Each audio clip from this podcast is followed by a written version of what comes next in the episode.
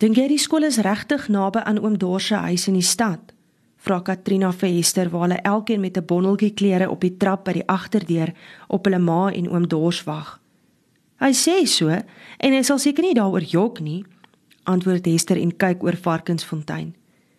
Ek weet nie of die stad beter as Varkensfontein sal wees nie, maar ek gaan die plek mis. Ek nie, sê Katrina. Ek haat die plek. 'n Mens mag nie haat nie, snip Jopie. Die Hoëveld is nie 'n mens nie, kap Katrina terug.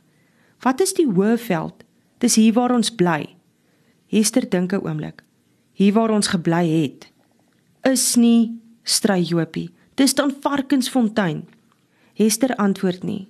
Sy staar die skynste af rivier se kant toe, snuif en vee oor haar oë.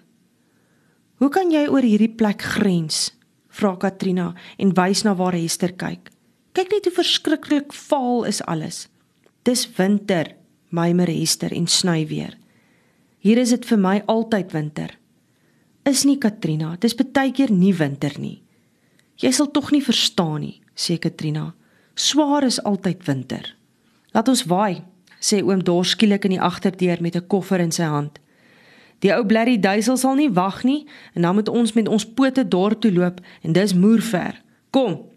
Agter hom sien Katrina haar ma met 'n opgerolde rok in haar hand. Dis al wat sy het om saam te neem. Die rok en die Victorian koppie en die suikerpotjie wat oorgebly het in haar ander hand. Sy sien haar ma sug. Maak asseblief die agterdeur toe Katrina, Die seer moet hier op Varkensfontein agterbly. Katrina kyk deur die kombuis. Op die tafel staan een skoen, 'n man se skoen. Katrina kyk by die deur uit. Hier is nog een van oom Dors se skoene op die tafel, ma. Los die skoen. Dit was jou oorlede pa se skoen. Maar dit lyk dan nog nie, ma. Los dit hier, my kind. Ons het dit nie meer nodig nie. Kom, Pordors en vat die voetpad plaashuis toe. Katrina trek die deur toe sodat die seer nie dalk saam met hulle op die trein kan klim nie. Soos wat hulle loop, voel sy tog die bietjie huil diep in haar brand. In die stad is daar 'n skool en minder seer, troos sy haarself en maak die afgeskilferde deur agter haar heeltemal toe. Sluk en loop agter die ander aan. Sal die stad ook so koud wees, veral in jou kaal voete? By die plaashuis staan sy die verste weg van die agterdeur af. Sy ken oom Henny teen die tyd. Hy raas altyd met die een die naaste aan hom. Snaaks, hy kom vanoggend uit sonder om te skel. Groet selfs vir ma. Seker bly ons gaan weg. Oom Henny het 'n swart pak klere aan met 'n wit das. Tannie Hanna kom agter hom uit. Die hoed is eenkant vol geel blommetjies en oor haar kerkrok het sy 'n wit oorjas aan. Vir die stof, sê sy vir haar ma. Hulle tou agter oom Henny aan waarnuis toe waar hy die bakkie uittrek. Tannie Hanna klim voor by oom Henny in en die vyf ander klim agter op die bak. Toe ry die bakkie. Dit is seker maar die tweede keer in haar lewe dat Katrina agter op 'n bakkie ry. Sy wonder of daar in die stad ook so baie stof is. Seker nie, want sy het al in prentjies gesien, daar's net sulke swart teerstrate in die stad. Oom Henny hou voor die kerk stil. Hier is die geld vir die treinkaartjies, sê oom Henny vir oom Dors. Die stasie is nie te ver nie. Toe loop oom Henny by een van die kerk se baie deure in en tannie Hanna bly in die bakkie sit. Die vensters toe, seker vir die koue. Voor die stasie huiwer die drie kinders. Katrina sien hoe die ander twee net so verwonderd soos sy na die wit gebou met die rooi dak en die drie gevels staar. Die stasie is stil Dis net hulle wat op die regop bankie vir die trein wag. Katrina het nog nooit voorheen 'n passasierstrein van naby gesien nie en skrik toe dit met 'n verskriklike gefluit om die draai kom en raserig die stasie instoom. "Ek klim in," sê oom Dors vir haar ma. "Geef my die goed deur die venster aan." "Maak gou, ma, net nou ry die trein vir ons weg." "Jopie, maak toe jou mond en gee jou klere vir oom Dors aan." Langs die trein staan 'n man in 'n swart uniform op die perron en blaas hard op 'n fluitjie. "Julle moet inklim, die trein wil vertrek." Skarrel skarrel klim hulle.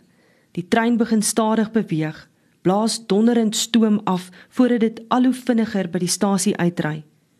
Katrina weet nie wat sy voel nie, maar sy sien Hester huil.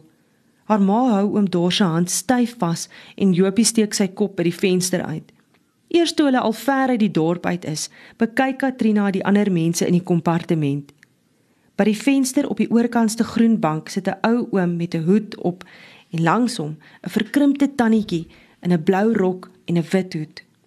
"Waarheen is die reis, neef?" vra die oom. Nou eers kyk Katrina met meer aandag na die oom en die tante oorkant haar in die kompartement. Sulke groot ore het sy in haar hele lewe nog nooit aan 'n mens gesien nie, dink sy toe die tannie vir die oom fluister om sy hoed af te haal. Hier is ander mense, ou man. Puntore soos 'n donkietjie, dink Katrina toe die oom sy hoed op die rak bo kan die bank sit. Hy moet seker 'n boer wees, want sy sien die wit voorkop bo kan die bruin gebrande gesig. Net voor die oom weer gaan sit, steek hy sy hand na oom Dors toe uit. "Sadeltjie Mare," stel hy homself voor. "En dis my vrou, Aunt Sissy." Oom Dors groet en sê net: "Ferreira, aangenaam." Toe gaan sit oom Sadeltjie en hou weer sy hand op die tannie se knie. Dit lyk of Aunt Sissy die oom se hand senuweeagtig vasklem. "Sis tog," dink Katrina. "Hulle is seker net so vreemd soos ons." Net oom Dors lyk of hy weet wat dit is om stad toe te ry met 'n trein. Ons is op pad Pretoria toe, antwoord oom Dors oom Sareltjie se vraag en gaan by die twee ou mense sit. Katrina kyk by die venster uit. "Jy's maar daai ding ry vinnig," sê Jopie en kyk na Katrina. "Te vinnig as jy my vra, my boet," sê oom Sareltjie met 'n senuweeagtige laggie saam. "Moenie worry nie, die drywer weet wat hy doen en die stoker ken van stook." Die trein ry anyway op sy eie spore. Is oom seker? vra Hester en Katrina voel hoe haar suster haar hand soek. Gaan oom hulle kuier? vra Cathy. Nie een van die twee ou mense antwoord dadelik nie. Na ons seun toe in die stad, sê die oom uiteindelik. Moet terugkom plaas toe, voeg aan Sissie by en snyf. Waar's die plaas? Vra Dors. Ottosdal, Is daar nie ander seuns wat wil boer nie? Visdors. Ons enigste, snik die tannie. Wat doen hy in Johannesburg tannie? vra Hester. Myn, antwoord die oom en kyk by die venster uit. Buite vlieg die hoëveld verby, weg van haar af, totdat Katrina meer en groter bome sien verbyflits. Ons raak te oud om alleen te boer, begin oom Sareltjie weer. Die tannie raak met haar krom vingerpunte aan die oom se wang. My ou man is 'n goeie boer, maar nou raak hy bietjie oud. Ons wil nou rus. Oom soek nie dalk 'n goeie plaasbestuurder nie, vra Dors. Nee, daar is een, 'n deetlike mannetjie wat sal oorneem. Gaan nou eers die seun in die stad haal. Die oom sug. Waar? vra Dors. Newlands of so iets, sê die tannie en sy haal 'n sakdoekie uit en blaas haar neus. 'n Sleg vrou het hom getoer losper vroumens, sy snyf. Dit lyk of haar ma skrik, dink Katrina.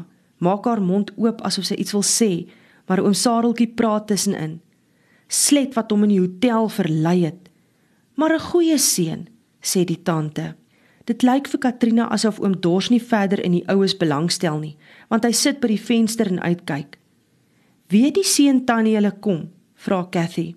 "Gesê hy sal ons op Johannesburg se stasie kom haal." Ons het hom lanklaas gesien, maar hy sal daar wees. Hy weet ons ken nie die stad nie. Aan Sissie vra oom Sareltjie om die padkos uit te haal. Die oom staan op en Dors help hom halfhartig om 'n vierkantige mandjie van die hoë rak af te haal. Hy sit die mandjie op die tafeltjie teen die venster tussen die banke neer. Die tannie trek 'n stokkie uit die mandjie se deksel en slaan dit oop.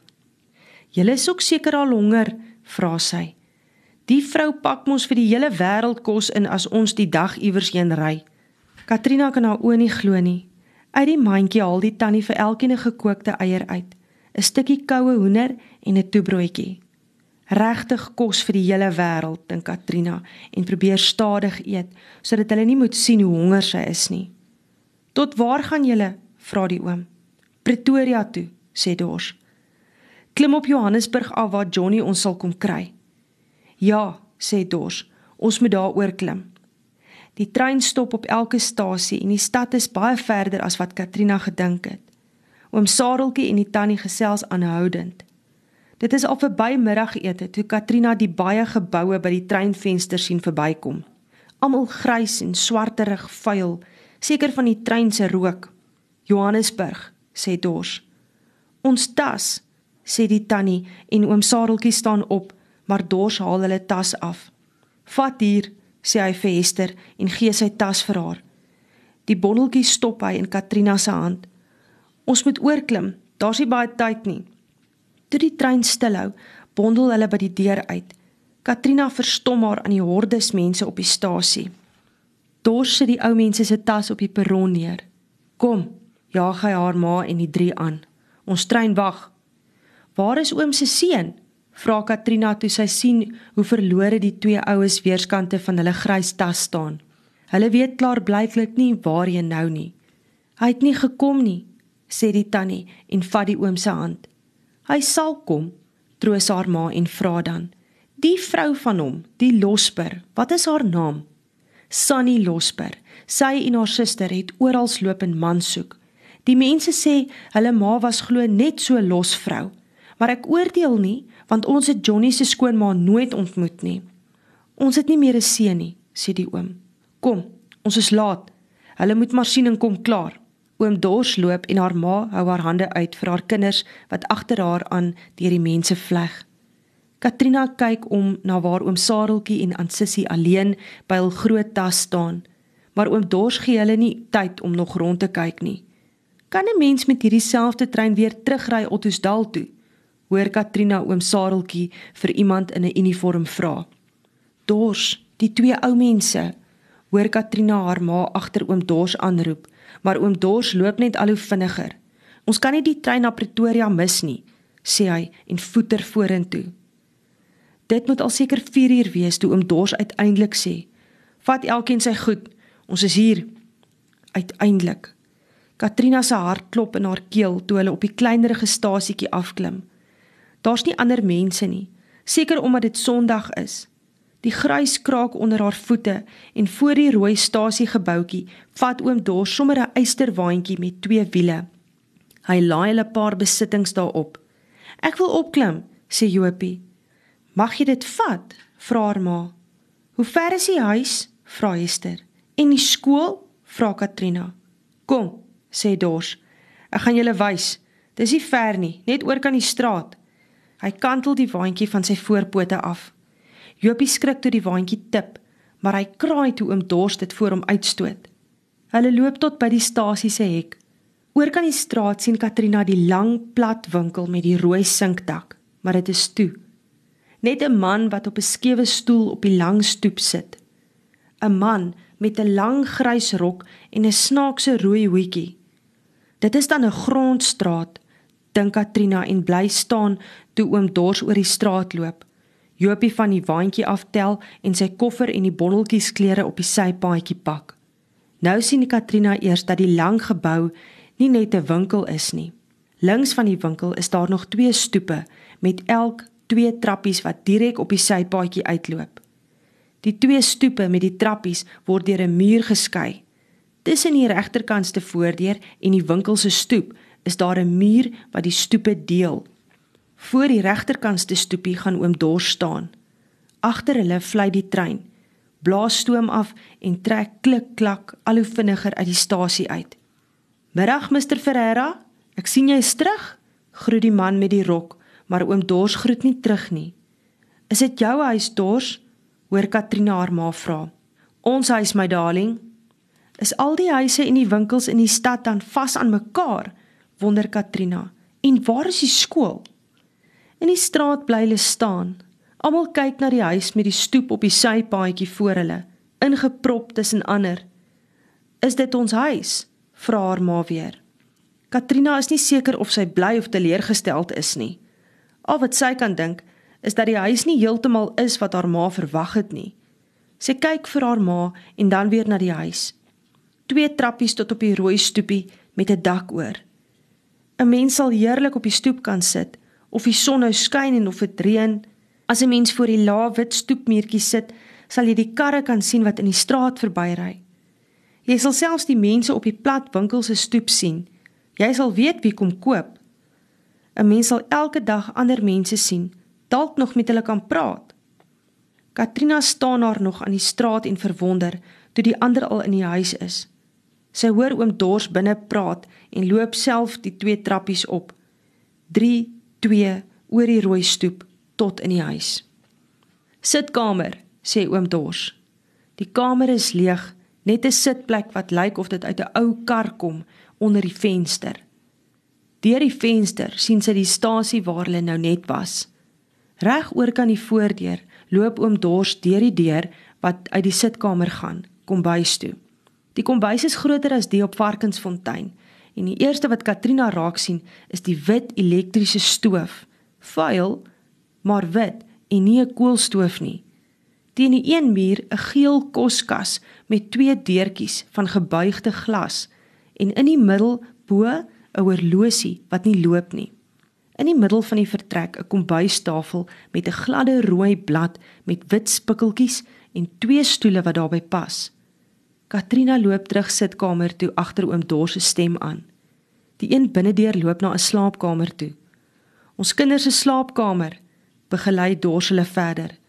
'n Smal matrasie op die kaal vloer. Dors loop na die ander binnedeur toe en hy bly in die deur staan.